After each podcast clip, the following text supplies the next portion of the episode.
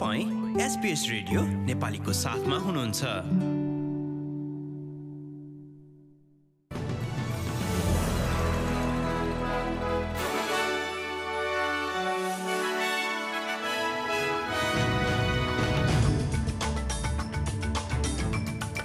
नमस्कार अब बेला भएको छ एसपिएस नेपालीमा। आज शुक्रबार तिन नोभेम्बर दुई हजार तेइसको अस्ट्रेलियन न्युज फ्ल्यास सुन्ने र प्रसङ्गको सुरुवातमा एकजना लेबर नेताको राजकीय सम्मानका साथ विदाई।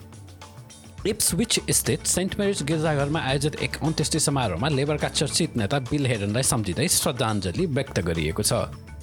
सन् उन्नाइस सय उनानब्बेदेखि उन्नाइस सय छयानब्बेसम्म अस्ट्रेलियाका एक्काइसौँ गभर्नर जनरल रहेका हेडन गफ विटलमको लेबर सरकारमा र अर्का प्रसिद्ध प्रधानमन्त्री बब हकको मन्त्री परिषदमा विदेश मन्त्री थिए। सहायक विपक्षी नेत्री सुजन लीका अनुसार प्रधानमन्त्रीले आफ्नो चीन भ्रमणका बेला अस्ट्रेलियन लेखक याङ हेङ गुइनलाई जेलमुक्त गर्ने विषय प्राथमिकतामा राख्नुपर्छ।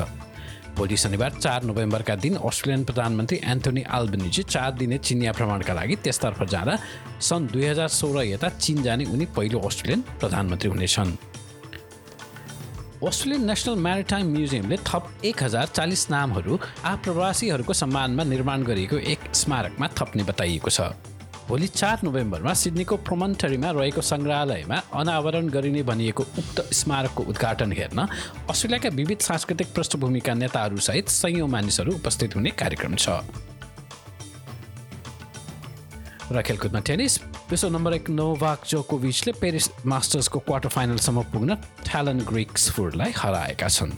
तर दोस्रो राउन्डमा निकै राम्रो खेल प्रदर्शन गरेका सर्बियाली खेलाडीलाई यो खेलमा जित हासिल गर्न निकै चुनौतीहरूको सामना गर्नु परेको थियो।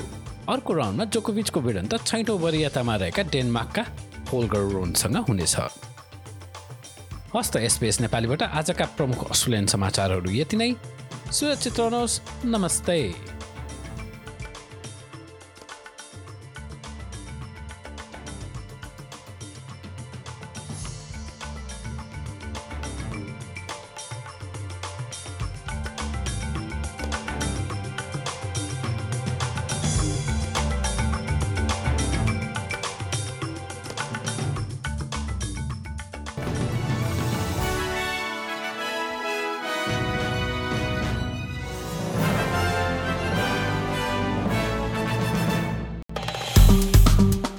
लाइक सेयर र कमेन्ट गर्नुहोस्।